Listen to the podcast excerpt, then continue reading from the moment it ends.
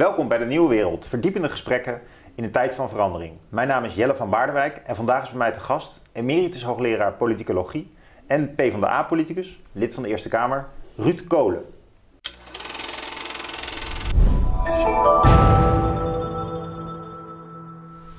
Ruud, Goedemorgen. je hebt een nieuw boek geschreven, Twee Pijlers, het wankele evenwicht van de democratische rechtsstaat. En dat is eh, vers van de pers. En daar gaan we het over hebben vandaag. In een spannende, roerende week als je het hebt over de institutionele orde van Nederland. Eh, eh, rond corona hebben we nu een discussie over de, over de avondklok. En eh, de spanningen tussen zeg maar, de rechtsstaat en de politiek. Rutte die toch probeert om een rechter te overroelen, die nu juist weer Rutte had overroeld. Dus ik denk een heel, heel goed moment om eens de fundamenten te bespreken van, nou, wat ik dan maar even de institutionele orde noem. Jij spreekt van twee pijlers in je boek. Kun je dat eens toelichten? Welke twee pijlers zijn nu de, de kern van de. Ja, dat is natuurlijk een wat andere benadering dan je vaak eh, hebt als je denkt aan de democratische rechtsstaat. Er wordt vaak gesproken over de trias politica, de drie Ja. machten. En ik heb het over twee pijlers. En waarom doe ik dat? Omdat eigenlijk de twee pijlers staan voor een, de electorale pijler en de niet-electorale pijler. En de electorale pijler moet je denken aan eh, alle instituties binnen de politiek, in de overheid, die gelegitimeerd zijn door verkiezingen. Dus dan gaat het over eh, of daarmee te maken hebben politieke partijen, kiesstelsel, regering, parlement. En dat is allemaal eh, eh, de electorale pijler, politiek gelegitimeerd, gebaseerd op de instemming van de bevolking, zoals gerealiseerd via de verkiezingen. Dat is die ene pijler. En die tweede pijler, die niet-electorale pijler, dat gaat ook over overheidsinstellingen, maar die hebben geen kiezersmandaat. Eh, we kennen natuurlijk van oudsher al de rechterlijke macht. De rechterlijke macht als onafhankelijke, Ja. onpartijdige overheidsinstelling. Eh dat kennen we al, al, al een, een eeuw of twee. Eh, maar daarnaast heb je in die, in die tweede pijler, die niet-electorale pijler, steeds meer onafhankelijke autoriteiten. Die steeds in, meer in aantal zijn gegroeid en ook in belang zijn gegroeid. Denk aan de Europese Centrale Bank of in Nederland de autoriteit persoonsgegevens, de autoriteit financiële markten. Allerlei op afstand gezette overheidsinstituties die wel degelijk besluiten nemen, soms ook regulerende besluiten die burgers raken, maar geen kiezersmandaat hebben. Ja. En daarom spreek ik van de, de ordening eh, in mijn boek is ook, en eh, reflecteert dus die ordening ook in, in de samenleving, eh, van eh, je hebt politiek ge- gebaseerd op instemming via verkiezingen van de kiezers. En politiek, of in ieder geval overheidsbesluiten, die daar niet op gebaseerd zijn, maar op wat dan wel. Ja. En dat is een van de vraagstukken die ik aan de orde stel. Ik stel voor dat we ze zo meteen allebei uitpakken, de pijlers. Ehm, het boek is behalve een schets. Of laten we daar eerst nog eens over wat over. eh, ik, ik vond het een heel eh, ja, historiserend en analyserend boek. Dat ben ik eigenlijk niet meer gewend van politicologen, die veel meer eh, psychologisch en communicatiewetenschappelijk kijken naar het domein van de politiek. Kun je nog iets zeggen over jouw methode? Nou ja, ik ben zelf eh, opgeleid als historicus en politicoloog. Dus ik heb beide studies gedaan. eh, eh, in Groningen geschiedenis en in Parijs po- politieke wetenschappen. En gepromoveerd in Leiden aan de rechtsfaculteit, maar wel als politicoloog. Dus ik heb die, die achtergronden en ik heb ook heel veel ge- gewerkt bij, in de rechtsfaculteit bij staatsrecht. En dus je ziet die drie domeinen ook wel in mijn benadering terug.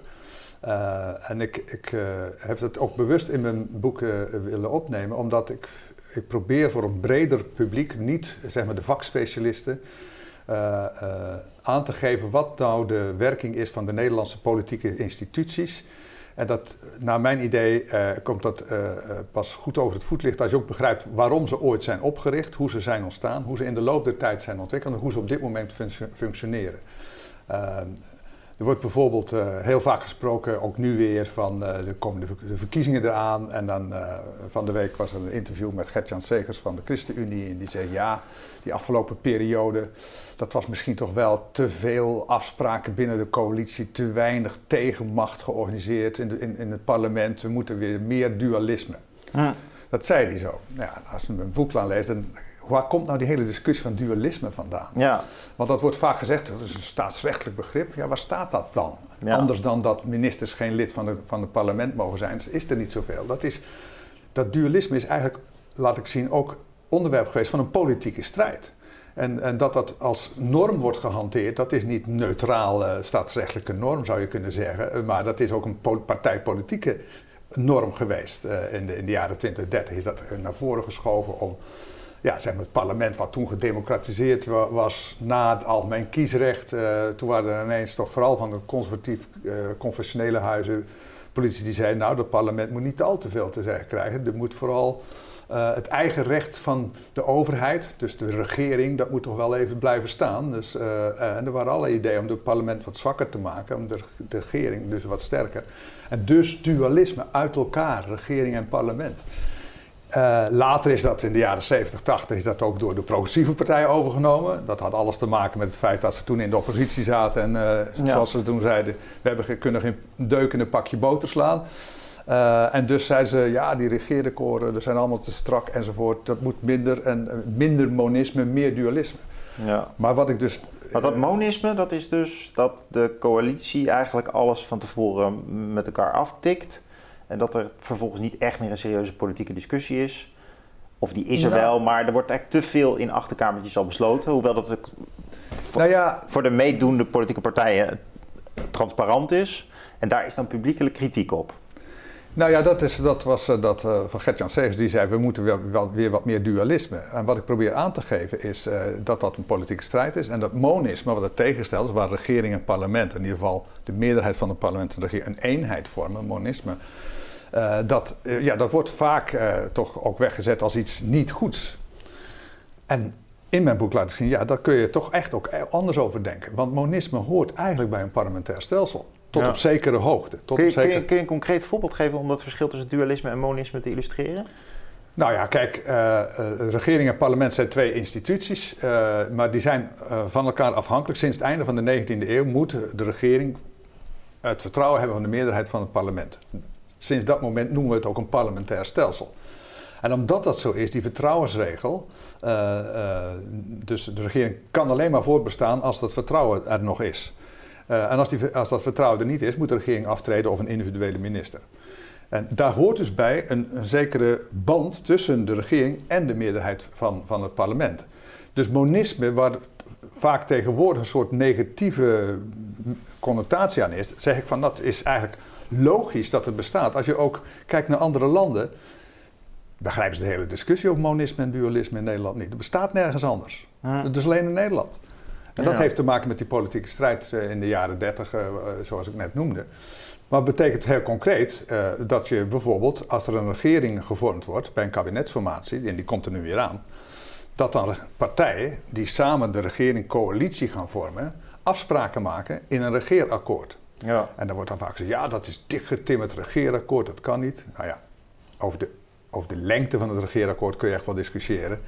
Uh, maar dat er een akkoord wordt gesloten, heeft Ja. alles te maken met die centrale regel van ons parlementaire stelsel, dat er een vertrouwensrelatie moet Ja. bestaan tussen de regering en het parlement. Dus ik verzet een iets- beetje... Zijn er ook andere factoren die typisch Nederlands zijn? Bijvoorbeeld dat wij heel veel partijen hebben. Die maken dat dit een manier van werken is? Wij hebben heel veel partijen. Uh, nu hebben er, uh, uh, veel meer landen hebben coalitieregeringen. Uh, zelfs het, Verenigd Koninkrijk heeft dat ge gehad met kleinere partijen die samenwerkten met de conservatieven. Dus dat was altijd een idee van daar hebben ze geen coalitieregering, maar zelfs daar gebeurt. Nou, Duitsland kennen we, dus een heleboel landen hebben coalitieregering, maar wij hebben wel veel partijen.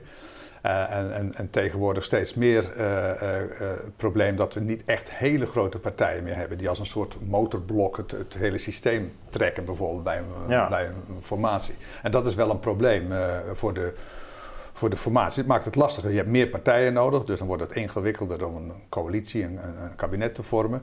Aan de andere kant lukt het wel. en het is ook niet heel erg nieuw. Uh, het aantal partijen is zeker niet nieuw. Uh, direct uh, na de Eerste Wereldoorlog hadden we 19 fracties in een Kamer van 100 zetels. nou, nu hebben we er 16. in Nou begin, ja. begin jaren 70 hadden we er veel. Maar het verschil nu is dat we geen grote partijen meer hebben. En dat maakt die formatie wel lastig. Daar is Nederland niet uniek in. Ik hoef maar België te noemen of Oostenrijk, Duitsland. Maar we hebben wel veel, veel partijen. Dat is, Ja. dat is zo. En omdat je dus geen enkele partij, want dat heeft echt wel met de politieke cultuur van Nederland ook te maken. We hebben nooit een systeem gehad waar één partij in zijn eentje de meerderheid had in het parlement of dacht te kunnen hebben. Dus het is echt een systeem wat helemaal gebaseerd is op meerderheidsvorming door coalitievorming. Ja. En dat heeft die, hè, dat wielen en dealen, uh, uh, geven en nemen, compromissen sluiten, dat Ja. hoort helemaal bij de politieke cultuur. En dat hoort dus ook bij het afspraken maken bij een kabinetsformatie. Ja. En dus een zekere vorm van monisme hoort bij het Nederlandse stelsel. Maar dat is tegenwoordig, nou dat is niet goed. En, dat te, te- te- Ja. en ik zeg, accepteer dat nou als je snapt waar je dat vandaan komt. Ja. Maar tegelijkertijd, dat betekent niet dat als je een zekere vorm van monisme accepteert, bijvoorbeeld door afspraken te maken, dat betekent niet dat je als parlementariërs vervolgens ook moet, alleen maar moet meeregeren. ja, dat is een beetje, dan word je stemvee, hè? Nou, dan, dan, dan, Ja. dan, dan word We je. ik wil graag ook de geschiedenis in, want ik, je- jij hebt in je boek een heel mooie eh, geschiedenis eigenlijk geschetst van de democratie, van de parlementaire democratie. Daar heb ik een aantal grote vragen over. Bijvoorbeeld, eh, wat is nou precies de overgang geweest tussen het grofweg, het 19e eeuwse model van politiek besturen en wat er dan gebeurt eh, door Thorbecke, uiteindelijk door Kuiper, de oprichting van partijen en rond de Eerste Wereldoorlog het ontstaan van het systeem wat we nu eigenlijk nog steeds hebben. Van wat is nou die grote omslag van de 19e eeuw naar de 20e eeuw? Hoe zou je dat omschrijven? Is dat het van een aristocratische politiek naar een democratische politiek? Is het zo simpel? Kun je dat eens uitpakken? Nou ja, kijk, eh, in 1848, hè, de grondwet van Thorbecke, toen kwam er voor het eerst eh, eh, eh, de rechtstreekse verkiezing van de Tweede Kamer. En toen kwam ook voor het eerst het beginsel van de ministeriële verantwoordelijkheid, dat dus de regering verantwoording schuldig is aan het parlement. En daar begon eigenlijk de groei naar een parlementair stelsel. Later kwam de vertrouwensregel er nog eens bij. En dat is eigenlijk, zou je bijna kunnen zeggen, het Thorbeckiaanse stelsel van de 19e eeuw, zoals dat is vormgegeven, wat heel belangrijk is en nog steeds de basis vormt voor ons stelsel. Alleen het stelsel van nu lijkt op een heleboel punten er nog steeds op informele zin. Maar in de praktijk is dat echt veranderd. En dat zie je echt de omslag komt met het ontstaan van politieke partijen. Hm. En als er iets is wat zeg maar, in, in, in zeg maar, de, de boeken die alleen naar de formele bevoegdheden kijken van, van de instellingen, dan, dan, die, die, missen dan het effect van de politieke partijen. Wat dat doet met de instellingen. Omdat partijen zijn ontstaan, functioneren de instituties zoals regering en parlement op een totaal andere manier dan daarvoor is bedacht. Ja, want waarom zijn partijen ontstaan? Wat, eh, waarop zijn partijen eigenlijk een antwoord? Uh, partijen zijn ontstaan in, ne in, Nederland vrij laat, rond 1880. Uh, de eerste moderne politieke partijen. Abraham Kuyper was de oprichter van de anti-revolutionaire partij, 1879. En dat was eigenlijk de eerste moderne politieke partij. Dat is een landelijke organisatie met allemaal afdelingen in, op lokaal niveau. Die een verwante fractie heeft in, in de Tweede Kamer. En dat was eigenlijk voor het eerst die partij. En ah, die partijen zijn ontstaan in ARP, maar later ook de socialisten, als emancipatiebewegingen van mensen die het in dat stelsel op dat moment nog niet voor het zeggen hadden in de politiek. Nog geen kiesrecht hadden bijvoorbeeld. Hè. Bij, de, bij, de, uh, bij Abraham Kuyper en de, en de antirevolutionairen, die kwam op voor de kleine luiden. Het volk achter de kiezers. Ja. De kiezers, dat waren de hoge heren met stemrecht. Want stemrecht was nog erg beperkt in de tijd van Thorbecke. Uh, en maar hij... we, hebben het dan al aan het eind, we zitten al aan het eind van de 19e eeuw, toch? Ja, dat zie je, dat, dat kiesrecht gaat ja. langzaam uit. Mannenkiesrecht, hè, ja. het breidt zich langzaam maar uit. Hoeveel mensen waren dat dan? Wat, nou, in, in, in 1850, de eerste, 1854, de eerste verkiezingen na uh, de grondwet van Thorbecke, doet ongeveer zo'n 10% van de mannen, volwassen mannen, boven de 23 jaar mee. Hm. En dat groeit. Kiesrecht uit is echt een hele strijd geweest aan het eind van de 19e eeuw. Dat groeit tot aan de vooravond van de Eerste Wereldoorlog tot ongeveer 60% van de mannen heeft dan stemrecht. Hm. Vrouwen nog steeds nul. En dan zie je in 1917, de grote grondwetswijziging in 1917. Nederland was uh, neutraal in de Eerste Wereldoorlog en uh, dat bracht de partijen bij elkaar om tot een grondwetswijziging te komen. En er werd van alles geregeld. En een van de belangrijkste wijzigingen was een nieuw kiesstelsel en natuurlijk het invoering van het algemeen kiesrecht. En dat is het tweede moment, naast die politieke partijen, het invoering van het algemeen kiesrecht, wat dat 19e eeuwse stelsel definitief heeft veranderd in het 20e eeuwse, 21e eeuwse stelsel. Ja. Een stelsel met partijen en een stelsel met algemeen kiesrecht. En beide hebben met Ja. elkaar te maken. En, en waarom heeft Thorbecke geen partij opgericht? Want hij werkte wel met een soort verenigingen toen, toch? Er waren in de 19e eeuw verenigingen, schets je, die dan die, uh, uh, die, die, die mannen die mochten stemmen, uh, neem ik aan, ook verenigden om, om een bepaalde inhoudelijke reden. Ja, daar was hij natuurlijk heel aarzelend in. Want Thorbecke had echt het ideaal, het klassiek liberale ideaal van een parlement, was dat dat bestaat uit vrijgekozen parlementsleden. dus die, door die beperkte groep kiezers van hoge heren, die hadden, die hadden stemrecht, werden een aantal van hen gekozen tot parlementslid. En die moesten dan zonder opdracht van hun kiezers, van hun achterban, vrij zijn om zich met het algemeen belang in het parlement te bemoeien. En dat was zijn ideaal. Een botsing van redelijke meningen in het parlement. Daar komt de waarheid uit aan voren. Oh ja. en daar heb je dus geen groep voor nodig. Maar... Individuele Kamer, dat was heel belangrijk. Maar... Ja. En die moet ook competent zijn, dus niet iedereen. Nee, ze moesten echt uh, het weldenkend deel der natie. Uh, zo werd het ook wel genoemd. Oh ja, dat, En dat waren dus ja, hoge heren. en vaak ook mensen die hoog waren opgeleid. In ieder geval was het uh, die een zeker bedrag aan belastingen betaalden, dus ook wat vermogend waren. En, uh, want als je financieel niet onafhankelijk was, dan kon je ook politiek niet onafhankelijk zijn. En dit was toen ook op dat moment in de geschiedenis iets wat je in Duitsland en in België en Engeland bijvoorbeeld ook zag? Ja, iets, iets eerder. Het heeft veel te maken, die, die, die emancipatiebeweging en het ontstaan van die politieke partijen, die, dat in Nederland wat laat was, dat had ermee te maken dat ook de industriële revolutie in Nederland laat was. Uh, en de, uh, de, eenwording van Nederland op andere manieren, die, dat, dat, dat begint zo in de tweede helft van de 19e eeuw echt vorm te krijgen. En dan zie je, maar in andere landen, in Engeland had je die partijen al eerder en, ook in Amerika al eerder, de Verenigde Staten, uh, Nieuw Land hadden wel eerder partijen. Ja, ja Kuiper heeft daar ook zijn inspiratie vandaan gehaald. Hè? Ja, die, die, ja, die vond Amerika een geweldig land, maar niet zozeer vanwege die partijen op zich, want hij vond goede, sterke partijen, heel, heel, vond hij echt geweldig, ja. zo rond 1880. Uh, maar Amerika vond hij ook geweldig, omdat dat in zijn ogen een puur christelijk puriteins land was. Ja, ja. En dat, uh, dat, dat, was, uh, ja, dat, dat was een voorbeeld. Er was voor hem maar één keuze, ofwel Amerika of Rome. de katholieken, nou de katholiek moest hij daar niets van hebben als protestant. Dus ja, dat Amerikaanse land, ja. dat was wel een, een voorland voor hem. zo rond de 1880.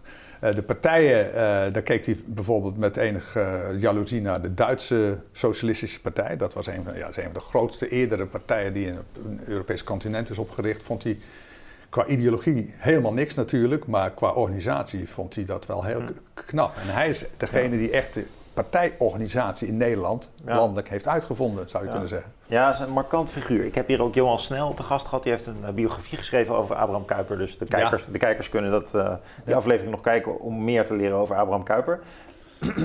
dus aan het begin van de 20e eeuw hebben we dan partijen. We hebben een nieuw, een, een echt een democratisch systeem. Um, jij beschrijft in je boek ergens, dan zeg je van, uh, want dat is eigenlijk ook de periode van de verzuiling die dan begint. Ja. Um, die dan eigenlijk nog voortzet tot en met nou ja, de 60s. Hè, en dan, ja. dan, eh, dan verbrokkelt dat en dan krijg je de grote ideologische fase. En jij zegt eigenlijk die partijpolitieke invulling van de democratie... die is gericht op beginselen en op idealen... die mensen al niet met elkaar delen. Terwijl die eerdere democratie die was veel meer regionaal. Ja, dat was, dan zitten we toch nog. De eerdere democratie, nou, ik noem het dan nog niet echt een democratie. Uh, ik noem het pas echt een volwaardige democratie vanaf het algemeen kiesrecht. Dus dat is 1917? Dat is 1917. De eerdere democratie daarvoor, zeg maar in de periode midden 19e eeuw van Thorbecke, er waren wel verkiezingen ontstaan. Dus dat is wel een belangrijke stap, maar nog niet echt een volwaardige democratie. Dat, was dus, ja, dat waren vertegenwoordigers uit kiesdistricten, uit de regio's, ja, ja. Die, ook zo gekozen werden. Uh, en moet niet vergeten, Nederland was nog maar een heel korte tijd een eenheidsstaat. Hè? Dat is pas uh, rond 1800 uh, ontstaan. Dus we waren misschien enkele decennia lang pas een eenheidsstaat. Daarvoor waren we verenigde provinciën. Dus dat hele regionale zat nog heel erg in de genen van Nederland. En dan zie je dat die, rond 1800 in de Bataafs-Franse tijd wordt Nederland dan één. Dan krijgen we Willem I en dan krijgen we Thorbecke midden 19e eeuw. Maar daar zit nog steeds die regionale uh, organisatie erin. De, de, Kamerleden worden ook per regio gekozen. Dat kiesstelsel was toen nog regionaal georganiseerd. Ja. En met de uitbreiding van het kiesrecht zie je op een gegeven moment dan de algemeen kiesrecht komen in 1917. Wat er in 1917 ook gebeurt, dat het kiesstelsel verandert. Niet meer op, op basis van districten in het land, maar het hele land is één district. En dan zie je dat uh, wat al opkwam aan het eind van de 19e eeuw, dat in plaats van regionale vertegenwoordiging steeds meer vertegenwoordiging op basis van beginselen, socialistische beginselen, godsdienstige beginselen, de partijen die ontstaan zijn ook van beginselpartijen. En zeg ik ook in mijn boek, de beginsel verdringt de regio min of meer in de organisatie van, van de Nederlandse politiek. En dat, ja, dat is uh, vanaf de, de, de, Eerste Wereldoorlog dominant tot in ieder geval in de midden jaren 60, de 60s als, als, als organisatieprincipe in Nederland. Dat je hebt groepen van de bevolking georganiseerd in de zuilen op basis van ideologie of, of maatschappijbeschouwing of godsdienst. Ja. Dat, dat is bepalend voor een ja, 50, 60 jaar in de Nederlandse politiek. Ja, heel belangrijk en ook inmiddels een frustratiepunt van veel mensen geworden, denk ik. Dat het, uh, het land geregeerd wordt door mensen uit de, uh, uit de grote steden. Uh, de meritocratische elites die uit de grote steden komen. Dat is half waar, want er zitten natuurlijk in de Kamer genoeg mensen uit de regio. Maar tegelijkertijd is dat toch het sentiment wat wel eens leeft. Hè? Dat mensen toch denken van ja, wordt er nou vanuit Nederland gedacht of denken we nog vanuit de provincie die Nederland opbouwen? Ja, dat, is, dat, dat hoor je vaak. Het is vooral uh, buiten de Randstad is dat gevoel groot. Ja, nee, dat snap ik. Ja. Uh, ik kom zelf oorspronkelijk uit Zeeland en daar, dat, is, dat is ook een hele sterke Zeeuwse identiteit. Maar Friesland, Limburg en daar hoor je. En dat is voor een deel, begrijp ik dat ook wel. Want het is, omdat de Randstad natuurlijk de meeste mensen wonen, de economische motor van het land is, ja. is daar ook heel veel aandacht. En terecht wordt gevraagd van, er zijn ook nog andere regio's Nederland die uh, zwaar meetellen. Aan de andere kant, als je kijkt naar de samenstelling van het parlement, ja, er wonen inderdaad, uh, over de parlementsleden komen er heel veel uit de Randstad. Ja. Maar dat zijn vaak randstedelingen die hun roots hebben, die geboren zijn in de provincie. Die, die, die, net zoals ik zelf. Uh, nee, het gaat ook om mentaliteit. Uh, dus overigens is... weet ik niet of er meer mensen in de Randstad wonen. Hoor. Dat ligt aan je definitie van de Randstad. Maar de, de... Zuid-Holland alleen wonen al een derde van de bevolking. Dus als je Noord-Holland en Utrecht erbij doet, noem ik even de Randstad. Dan is dat uh, meer, denk ik, dan, of in ieder geval op zijn minst de helft van, van, van, Nederland woont daar. En dat is, dat is dus geconstateerd veel mensen en veel, veel economische energie. Dus er gaat veel aandacht naar uit. Maar ik vind het terecht dat men zegt van er zijn andere regio's. Uh, en die worden soms echt uh, wel eens achtergesteld. Goed, maar het begin ja. over, de, over de, de gas, gas, in Groningen. Ja. Dan weet je, ja. die frustraties daar zijn was, volkomen dit, terecht. Ja, dit was maar even een zijpad. Als je nu dat 19e eeuwse model bekijkt, uh, dan, dan krijg je dus de verzuiling, dan krijgen we de oorlogen. We hebben nog steeds de verzuiling. Dan komt, er komt de 60s beweging hè, in, in de politiek. Wat, wat is er toen nog veranderd? We krijgen de oprichting van D66. Een verdere democratisering hè, staat de 60s eigenlijk symbool voor. Hoe heeft dat de institutionele inrichting van de democratie nog weer veranderd? Nou, wat er gebeurde was, die zuilen die waren ontstaan, uh, zo begin van de 20e eeuw, die vallen uit elkaar in de jaren 60. Dus uh, nou ja, bijvoorbeeld de, de Volkskrant, uh, dat stond tot 1965 als ondertitel Katholiek Dagblad van Nederland. Ja. En in 1966 was dat verdwenen. En dan zie je al dat de band tussen die krant en de katholieke zaal werd doorgesneden. Dus we zagen dat op veel terreinen, dus die organisatie bleef wel bestaan, maar de onderlinge band die ze hadden werd doorgesneden. Dat is de ontzuiling. Op institutieniveau, op organisatieniveau, maar ook de kiezers gingen zich vrijer gedragen. Uh, dus uh, waar ze vroeger bijna vanuit hun achtergrond stemden. Uh, een collega van mij, Rudy Janweg, heeft het wel eens genoemd dat in de jaren 50 waren verkiezingen eigenlijk rituele volkstellingen. Uh, uh, maar de kiezers stemden gewoon, was je katholiek, stemde je katholiek. Was je niet gelovig en arbeider, stemde je PvdA en niet gelovig ja. en dan had je hoog inkomen VVD. Dus dat was allemaal vrij vanuit de achtergrond uh, bepaald. En vanaf de jaren 60 zie je om allerlei redenen dat ook de kiezer zich vrijer gaat gedragen. De zwevende kiezer ontstaat, die partijwisselaar. En daardoor ontstaan er mogelijkheden voor nieuwe partijen, zoals D66 die uh, een groot punt maakte van uh, ja, het gebrek aan democratie in Nederland, uh, zoals ze dat op dat moment ervaarden. en doen dan een appel om, om het systeem te veranderen. Daar ja. komt in formele zin niet zoveel van terecht, maar het was wel de jaren 60 een grote roep aan meer democratie ja. en meer ideologie, zou je ook kunnen zeggen. Afscheid nemen van die, die hokjes en schotjes van, die, van, de, van de verzuilingsperiode. Ja. En dat had met van alles nog wat te maken. De, de babyboom van na de oorlog werd volwassen. Dus het is een hele jeugdcultuur. De economie, die eerst heel sober was in de jaren 50, die begint goed te draaien. Ja. De, de, de, loon, de lonen worden losgelaten. In begin jaren ja. 60 heb je zogenaamde loonrondes, dat je drie jaar lang achter elkaar 10% loonsverhoging. Ja. Komt er nog maar eens om. Ja. De consumenten, hè, burgers worden daardoor ook consumenten. De televisie kan worden gekocht, dan ja. breekt de wereld open. Alles ja. bij elkaar verandert er heel veel. En ook in het. Maar dat is meer sociologisch. Dat is, uh... Ja, maar dat, dat, is, dat, dat betekent dat de, de kiezers ook vrijer zijn. Uh, en, en daardoor ook niet meer zich laten bepalen door hun achtergrondkenmerken in hun stemgedrag. En dat biedt er biedt een heleboel uh, mogelijkheden voor anderen om daarmee om te gaan. Zoals D66 die ja. dat aanvoelt, maar ook binnen de Partij van de Arbeid heb je een beweging als Nieuw Links. Het is trouwens een beweging die internationaal is, vanuit Amerika komen overwaaien. Nieuw Links, Nieuw Left, dat ja. andere ideeën, meer, dat er meer is dan alleen maar ja. uh, een dak boven het hoofd en brood op de plank. Dus uh, postmaterialistische waarden komen op, zorgen om vrouwenemancipatie, milieu komt op. En daardoor zie je dat er ook, dat, dat effecten heeft op de organisatie en het functioneren van de Nederlandse politiek. Ja, mensen gaan ook niet meer langer stemmen wat hun ouders al stemden. Uh, nee. Zelf keuzes maken. En wisselen ook vaker tussen partijen, tot op de dag van vandaag. Um, ik wil langzaam over naar de tweede pijler. maar misschien wel in een specifieke zin. Want in je boek leg je erg veel nadruk op de rechtsstaten. Je zegt ook het, het wankele evenwicht van de democratische rechtsstaat is de ondertitel van het boek. Ik heb zelf het idee dat er politiek gesproken ook eigenlijk drie pijlers zijn. Democratie, rechtsstaat en, en bureaucratie. Um, daar zijn denk ik ook veel zorgen over. Of je zou kunnen zeggen, sommige mensen zeggen de technocratie. Uh, nu heb je een sympathieke definitie van de technocratie in je boek. Je zegt eigenlijk, sommige dingen moet je organiseren vanuit experts. En daar is veel voor te zeggen. Bijvoorbeeld het Centraal Bureau voor Statistiek. Uh, meet uh, hoe mensen stemmen, meet hoe mensen leven, hoeveel we verdienen. De ECB organiseert de economie.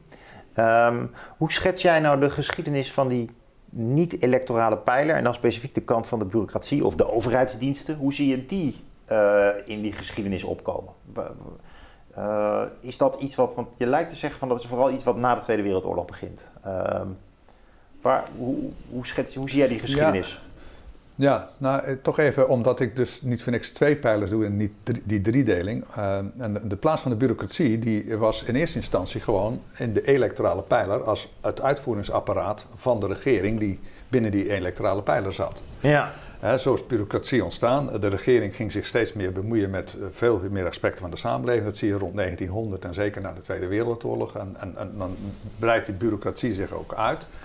Maar zolang die zeg maar onder de politiek valt, het ministerie van Verantwoordelijkheid ook voor het ambtelijk apparaat, zou je dat stuk van de bureaucratie eh, hoort gewoon bij die eerste electorale pijler, zou je kunnen zeggen. Maar wat er gebeurt, en daarom zit dat hoofdstuk toch in die tweede electorale, in dat deel over de tweede pijler, ja. is dat er ook steeds meer, en dat is zeker de laatste 30, 40 jaar enorm toegenomen, delen van die stukken van die bureaucratie op afstand zijn gezet, onafhankelijk zijn gemaakt zelfstandige bestuursorganen zijn ze genoemd. Waar uh, uh, in de jaren 70 kwam dat, uh, gingen we er voor het eerst een beetje over nadenken. Scheltema is een van de mensen die daar veel over geschreven heeft. En die heeft de term ook zelfstandig bestuursorganen on, ontworpen.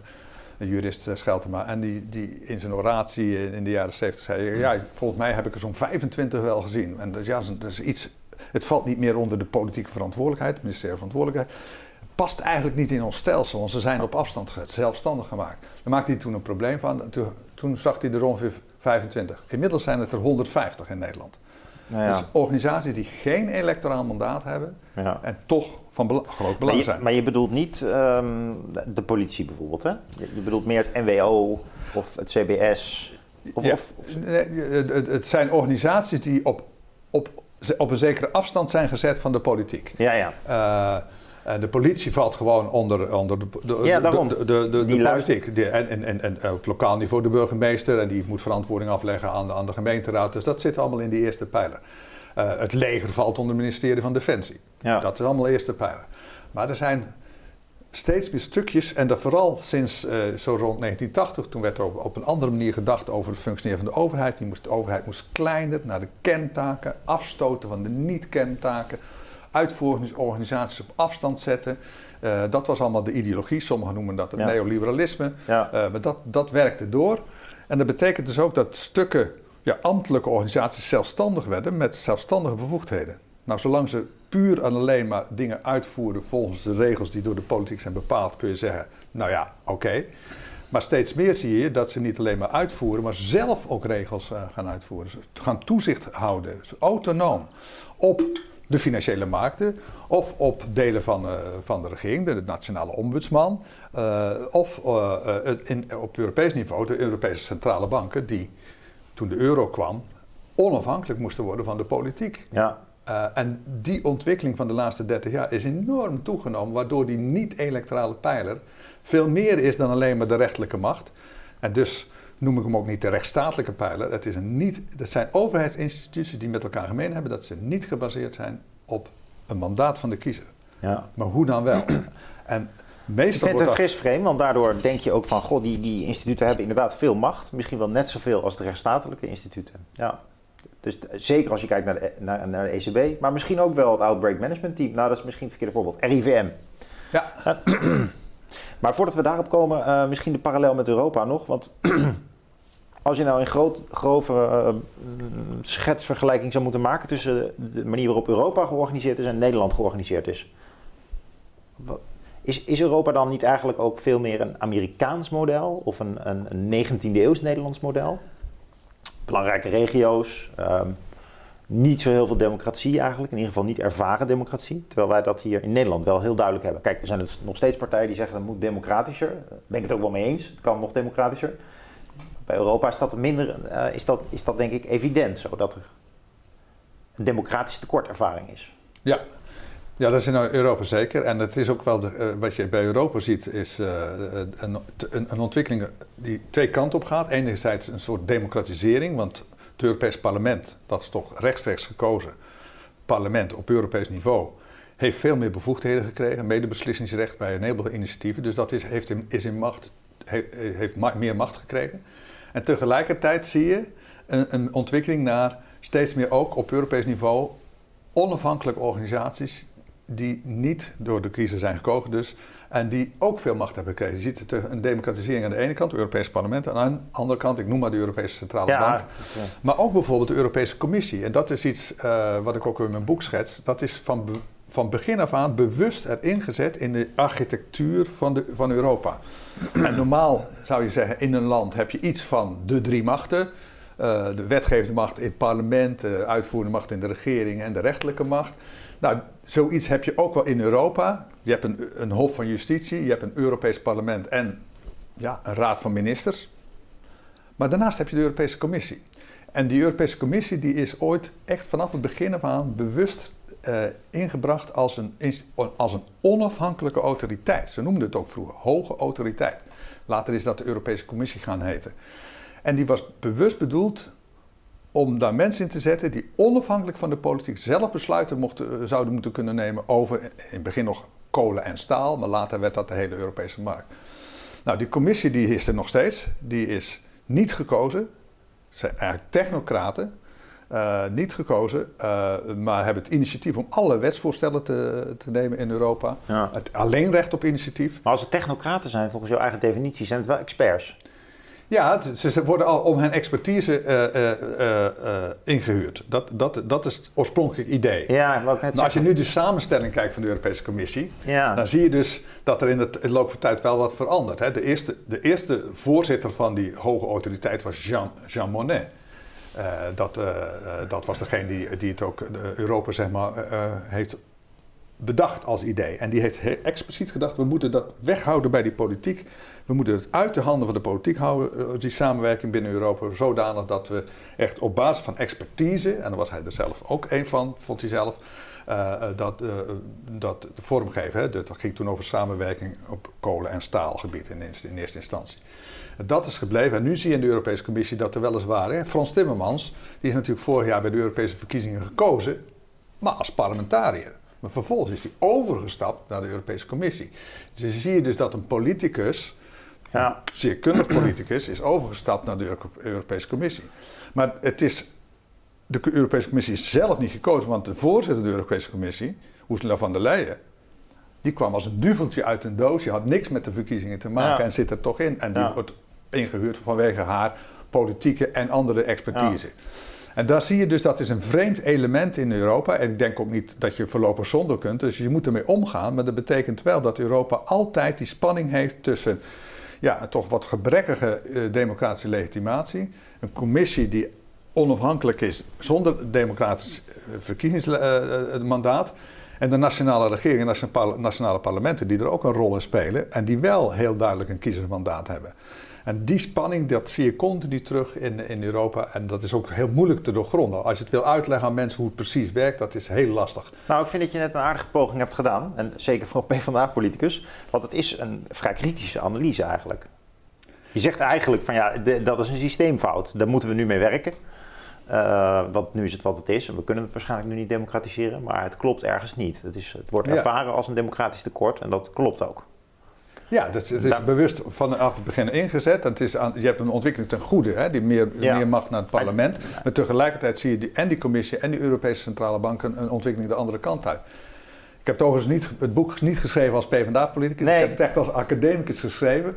Ja. Maar omdat je nu toch daar zegt, PvdA, de, bij het ontstaan van Europa, zeg maar, dat de, de voorloper van de Europese Unie was de Europese gemeenschap van kolen en staal. ja, dat weet ik. En dat debat eh, eh, was in Nederland, er was premier. Drees, PvdA, Ja, die was behoorlijk kritisch. Over dat idee van Schuman, die dat plan opperde, en Jean Monnet, die uiteindelijk eindelijk de eerste voorzitter werd van die EGKS, de Europese Gemeenschap van en Staal. Dat idee namelijk dat er een autoriteit zou komen die los van de politiek besluiten zou nemen. ja. Er was, de PvdA was verdeeld, Ja. want, want Man, Nee, die- Mansholt was erg voor en Drees was juist ontzettend kritisch. Dus het Ja. is een debat wat al zo oud is als het ontstaan van Europa. Ja, nee, die oude Drees had dingen wel goed gezien. Dat is niet het enige. Eh, ja, de economisering van de EU vind ik sowieso een, een, een interessant iets. Dus die, die Europese gemeenschap voor kolen en staal, dat was eigenlijk... kijk, ideologisch gezien is de E EGK, EGKS bedoeld om via economie vrede te handhaven. Dat is, dat is het ideologische verhaal. Eh, we zijn nu decennia verder en nu zijn we dus nog vooral dat via economische samenwerking bij elkaar aan blijven. Maar het ideologische verhaal lijkt ook wel eens te, eh, te, te ontbreken. Of we zijn nog op zoek naar een nieuw verhaal. Eh, daar wil ik het eigenlijk niet over hebben. Maar vooral over hoe die economische samenwerking nou zo sterk geworden is. Hè? Want je wees al op de, rol van de ECB bijvoorbeeld. Dat die instituties, die niet electoraal gekozen instituties, die, die lijken ook echt ze- zeer gericht op de inrichting van een bepaalde Europese economie. Ja, nou dat, is, dat klopt. eh, want in mijn boek noem ik het ook wel eh, op een bepaald moment als ik het over Europa heb. Dus, kijk, het begon met die EGKS en dat wordt op den duur de Europese Unie. En dat lange proces, al, al, al, al, vanaf de jaren de 50, eh, eh, zie je dat het heel erg gericht is. Het is een politiek project, maar het middel was economische samenwerking. Hè? Ik bedoel, maar als politiek project om, om vrede te bewerkstelligen. Maar die economische samenwerking die, die, wordt, die wordt heel erg geconcentreerd op het creëren van een vrije markt. Ja. En dan zie je dat de motoren daarin om, om die Europese integratie en die vrije markt dichterbij te brengen, dat zijn vooral de niet gekozen instellingen. Dus het Europese Hof van Justitie ja. en de Europese Commissie. Die trekken eraan en die hebben dat ook enorm bevorderd. En dat wordt ook gewaardeerd, want dat, dat betekent dat je door die samenwerking, inderdaad, hebben we hier al 75 jaar vrede. In, in deze regio, West-Europa. ja. Het is, Dat is eeuwenlang niet voorgekomen. het is de vraag of dat dankzij Europa is. Maar Nee, maar ik bedoel, het heeft er waarschijnlijk toch wel aan bijgedragen. Als je, het idee is, als je afhankelijk bent eh, eh, in Europees en economisch opzicht, dan ga je niet zo snel met elkaar oorlog voeren. Dat was, was het idee van de EGKS. Maar wat er is, vervolgens is gebeurd, is dat proces van eenwording, eh, eh, dat is heel erg uitgelegd als het wegnemen van barrières op de weg naar die, naar die markt, die gemeenschappelijke markt.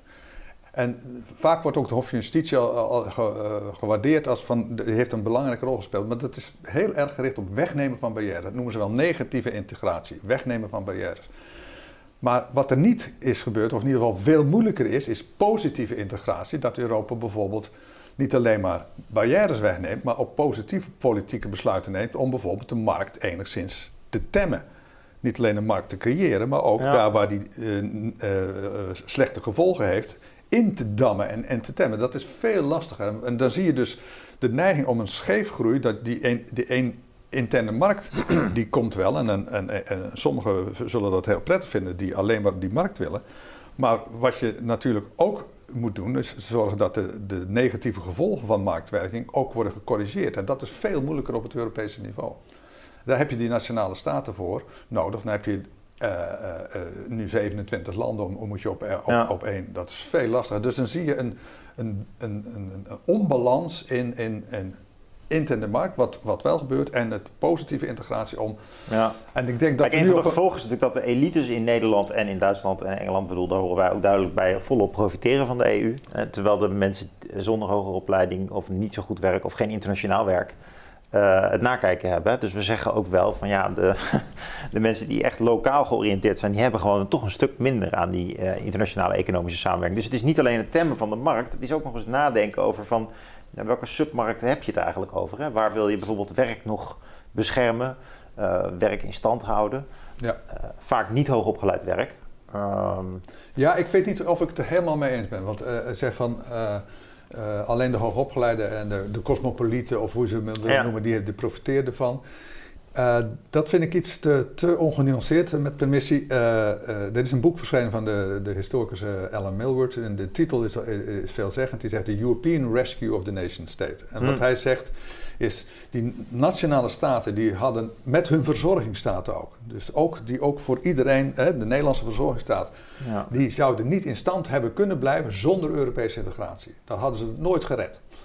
Dus er is ook een, een gedachte mogelijk dat je de Europese integratie wel degelijk nodig hebt om juist ook verzorgingsstaatsarrangementen die je nationaal organiseert ja. in stand te houden. Zorgen dat je daar de middelen toe hebt. Alleen, wat je dan op een gegeven moment waar we nu staan, is denk ik dat die, die, die vrijmaking van de markt, dat is denk ik nu wel uh, gebeurd, maar ook tamelijk eenzijdig. Dat we nu echt, en dat zie je met de financiële crisis en ook de coronacrisis, er is nu echt positieve integratie nodig, waardoor je die markt ook corrigeert op sommige punten. Ja. Nee, helemaal eens. Die, die nuance is ook mooi. Dus je hebt eigenlijk het wankele evenwicht van de democratische rechtsstaat ook op Europees niveau. En uh, de, de, bureaucratie wordt te groot eigenlijk op Europees niveau. De niet-electorale bureaucratie. Dus je wil dat eigenlijk... Vooral ook weer die onafhankelijke instituties. Ja, je wil die onafhankelijke instituties wil je meer draagvlak geven. Ik heb het niet over het apparaat van de Europese Commissie. Die, die, die, daar zitten ook ambtenaren. En dat, ja. dat hoort bij de Europese Commissie. Dat, maar dat is meer het probleem van de Europese Commissie. Maar die de EMA, waar we het nu continu over hebben, de, de European Medicine Agency, die medicijnagentschap, wat al die vaccins moet goedkeuren. Dat is zo'n onafhankelijk instituut. Dan zeg je, dan wil je dat natuurlijk onafhankelijk hebben, dat moeten wetenschappers goed doen, zeker. Maar het was wel op een gegeven moment even dat Duitsland aan de bel trok. En nu eventjes wel even wat sneller werken, want uh, wij krijgen die vaccins meer niet. Hoe onafhankelijk kun je zijn? Hè? Dat, daar zag je de spanning in, in één keer. In Engeland, uh, die was net uit, uit Europa gestapt en de, die waren daar dan niet van afhankelijk. Die hadden veel eerder de vaccins. Ja, dus daar zie je zo efficiënt is die bureaucratie helemaal niet. En ondertussen heb je dus ook nog, behalve dus deze twee pijlers, of drie pijlers, als je dus zegt rechtsstaat, democratie en bureaucratie, onafhankelijke instituten. Jij voegt ze tot twee pijlers samen. Heb je dus ook nog marktkrachten nog. Ja. ja die, en, die, en, die instituties, die niet-electorale instituties, die zijn nu wel heel erg gericht op het losmaken van die marktkrachten. En die moeten eigenlijk die marktkrachten wat meer gaan temmen. Met sociologische gevoeligheid denk ik wel. Zodat in ieder geval, oké, misschien dat het zo is dat de buschauffeur en de vakkenvuller profiteren van de EU. Eh, laten we dat aannemen. Maar die mogen nog wat meer gesteund worden, zou ik dan zeggen. Ja, als je, als je wil dat je de, ook het verzorgingsstaat, uh, het Rijnlands model wordt het vaak genoemd, de verzorgingsstaat in West-Europa uh, in stand wil houden. Uh, iedereen is erover eens dat in ieder geval zeker op korte termijn, de komende decennia, dat je dat vooral op nationaal niveau moet vormgeven. Maar die nationale staten kunnen dat pas als ze op sommige punten ook echt Europees samenwerken. Dus je hebt een combinatie van Europese samenwerking nodig en die nationale eh, staten. Terwijl Europese samenwerking was nu vooral vrijmaken van die markt. En nu denk ik dat echt het moment is gekomen dat je niet alleen die vrijmaakt, maar dat je die ook probeert in te bedden. Of het maar gaat om, om de klimaattransitie of het gaat over de, de gezondheid. Je zult moeten samenwerken over de grenzen heen. Maar dat betekent veel meer dan alleen maar vrijmaken. Dan moet je dus ook meer gaan reguleren en democratisch gecontroleerd. Dus dat, en dat is, wordt wel een opdracht hoor. Want maar is het eigenlijk, moet die Europese constitutie of die Europese institutionele ordening vernederlandsen? Omdat wij, wij, nou ja, kijk, een zeer gecultiveerd institutioneel complex waar we in leven. En dat is Europa niet. Loopt achter daarop. Eigenlijk het is eigenlijk nog. Ja, het loopt achter. Het is anders. Hè. Door, door die hele speciale constructie met een onafhankelijke commissie die we nergens in, in, in de nationale staat zien. Ah, ja. uh, het, het is, dus je loopt het achter, loopt het voor. Uh, ja. Maar het is, het is anders. Het is een fundamenteel ander model. Het is het, ze noemen ze sui generis. Het is met niets te vergelijken. Dus Europa is nergens anders eh, in de wereld of in de nationale staten. Nou, het lijkt toch wel heel erg op een soort voorbode voor wat er in Amerika bestaat. Ja, maar Amerika heeft echt een model wat gebaseerd is op de, op de trias, zeg maar. De, de, de, de checks and balances, de scheiding der machten. Daar heb je echt de, de parlement is de wetgever, dat is de regering niet. Dat is het parlement met de twee kamers en, en dan de rechter en de president, de uitvoerende macht. Daar, daar is die, die trias nog behoorlijk vormgegeven. In Nederland hebben we een heel ander model, een parlementair stelsel, helemaal niet de trias. Want we hebben wel een onafhankelijke rechter, maar regering en parlement werken samen. Uh, de vertrouwensregel en de ministerie verantwoordelijkheid, uh, dat is een heel ander model. En wat je in eh, Europa ziet, is dat die ministerie verantwoordelijkheid niet bestaat. Uh, maar Amerika, dan zou je zeggen, als dan de Europese Commissie de executieve zou zijn, dus zou dan de Amerikaanse president zou je dan met de Europese Commissie moeten vergelijken. Ja, die wordt niet gekozen. Die heeft geen hele, in Amerika heeft de president, wat je er ook van vindt, een electoraal mandaat. Nou, we hebben gezien dat het soms wat lastig gaat in het proces. Maar in de Europese Commissie heeft dat niet. Ja, ja. En dus wordt het ingewikkeld. Je hebt een wel een steeds krachtiger geworden Europees parlement. Dat is democratisch gezien goed. Maar dat is onvoldoende. Dus je moet tegelijkertijd ook die nationale regeringen en de nationale parlementen die ook controleren, Europa controleren. En dat maakt bij elkaar een enorm ingewikkeld spel. En dat is voor de, denk de gemiddelde burger nauwelijks te over, overzien.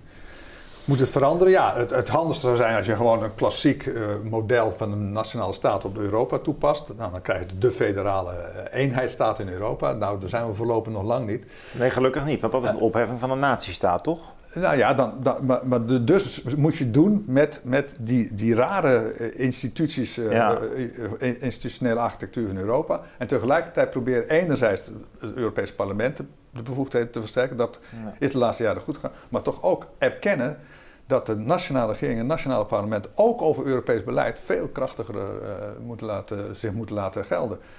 Maar dat maakt het wel moeilijk, want dan heb je 27 landen die het eens moeten worden. Dus het is een ingewikkeld proces. Ja. Maar ik kan denk nou, suggereer je een beetje van, ja, de mensen overzien het niet, het is te moeilijk om uit te leggen. En dat is ook wel de ervaring, denk ik, van veel mensen bij de Europese Unie. Maar je eigen boek laat ook goed zien van, er zitten dus ook niet-electorale componenten in dat bestuur, die ook in Nederland in het bestuur zitten. Bijvoorbeeld in de RIVM, of bijvoorbeeld hoe bijvoorbeeld wetenschappelijk onderzoek is georganiseerd. De NWO hè, is ja. ook zo'n soort instituut, helemaal verzelfstandigd. Enorme macht op hoe wetenschappelijk onderzoek in Nederland wordt gedaan.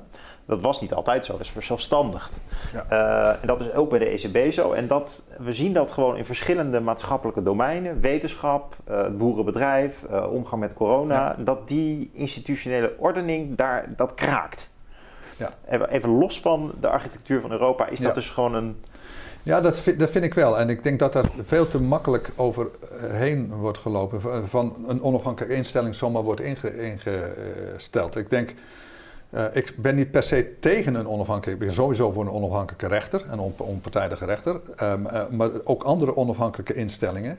Uh, ben er niet per se tegen, maar dat moet dan wel gebaseerd zijn op een duidelijk politiek mandaat. Politiek dus door de gekozen, in de gekozen pijler, regering en parlement vastgelegd mandaat. Dus als een, een, of, nou, of nou gaat over, over NWO of over een centrale bank, die, moeten zeggen: dit is het kader waarbinnen, waarbinnen het, uh, het moet gebeuren. En dan, leggen wij ook verantwoordelijkheid af aan, aan, het, aan het parlement. Als je dat wegschuift bij zo'n centrale bank, maar dat zit ook bij al die andere onafhankelijke autoriteiten, en je maakt niet goed duidelijk het kader waarbinnen dat gebeurt dan, uh, dan, ja, dan wie, wie beslist dan? Uh, en ja. uh, tegelijkertijd, hè, bedoel, als je nou zegt NWO, dat zijn de Nederlandse organisaties van wetenschappelijk onderzoek. ik zou er niet voor pleiten dat de politiek rechtstreeks zegt welk project moet worden goedgekeurd door NWO en nee, welke niet. Maar je zou kunnen zeggen bijvoorbeeld de universiteiten zelf veel ja. zeggenschap hebben over wie er onderzoek doet en hoe, waar het over gaat. Ex exact, en dat, want, en dat betekent dus gewoon de onderzoekers zelf. Als, als het goed is wel. Ik vind dat de NWO, er is veel ook geld van de, hè, van de universiteiten naar NWO gegaan. En NWO die is onderhevig aan, aan, aan, aan prikkels van de, van de actuele politiek. Van ja, je moet nu, dit zijn de speerpunten waar je nu onderzoeksgeld in moet steken. Ja. Terwijl ik zou zeggen, laat dat nou aan de universiteiten zelf over. Ja. Uh, die universiteiten die moeten leveren, die moeten goed onderwijs geven en die moeten natuurlijk goede publicaties doen. Maar waarom moet dat op, op gestuurd, gestuurd worden uh, door NWO, uh, op bijvoorbeeld op, omdat ze daar extra middelen van kan krijgen voor, van de overheid? De overheid moet een lump sum geven voor, en meer wat mij betreft, voor het wetenschappelijk onderwijs, maar ook het ja. überhaupt onderwijs. En dan moet je het vooral ook aan, die, ja. aan de mensen zelf overlaten. Dat is weer het Rijnlandse model, hè? meer aan de mensen zelf overlaten. Het is in ieder geval ook een geldverslindende machine, het MBO. Want er zijn heel wat mensen die dus die onderzoeksvoorstellen moeten schrijven. En vervolgens is de kans dat je onderzoek mag doen heel klein. Maar je hebt het voorstel geschreven, er zit veel tijd in. Dus die centralisering heeft heel veel inefficiëntie-effecten. Die heel veel geld kosten, frustratie opleveren. Nou, het is een verhaal apart, maar het lijkt toch in de sleutel ja. van je boek wel te passen. Hè? Want het, is, het heeft Ik... te maken met die uh, onafhankelijkheid die tegelijkertijd ook weer te dicht bij de politiek is gekomen. Uh, en verder van de onderzoekers zelf af is komen te staan. En misschien ook wel van de mensen af daarmee.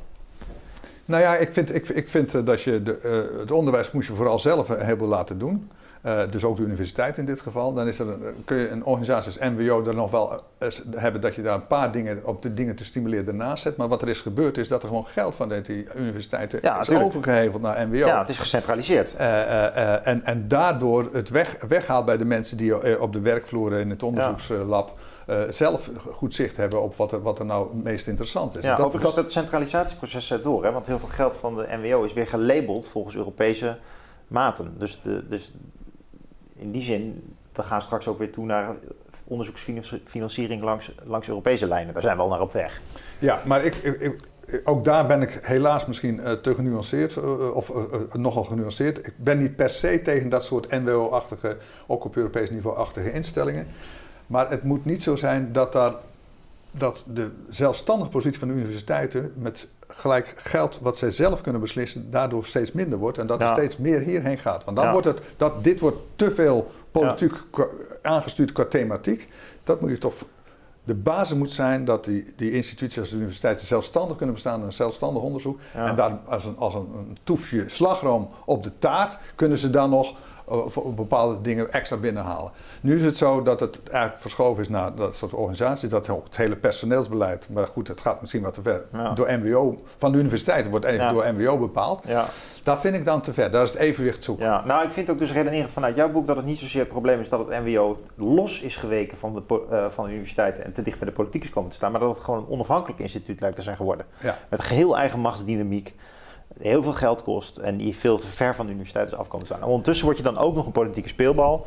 Of dat nou de kern is, maar daar kunnen we ook over van mening verschillen. Um, wat ik in ieder geval echt zeer interessant vind aan het boek is dus die, die, die, die, historische beschrijving van de opkomst van die twee pilaren. We hebben het helemaal niet over de rechtsstaat echt gehad, hè, maar wel over de technocratie. En ik denk ook dat dat een veel actueler nou ja, maar de rechtsstaat, Toch, toch even, de rechtsstaat is, uh, waar ik me ook tegen verzet, is de rechtsstaat te verengen tot de rechterlijke macht.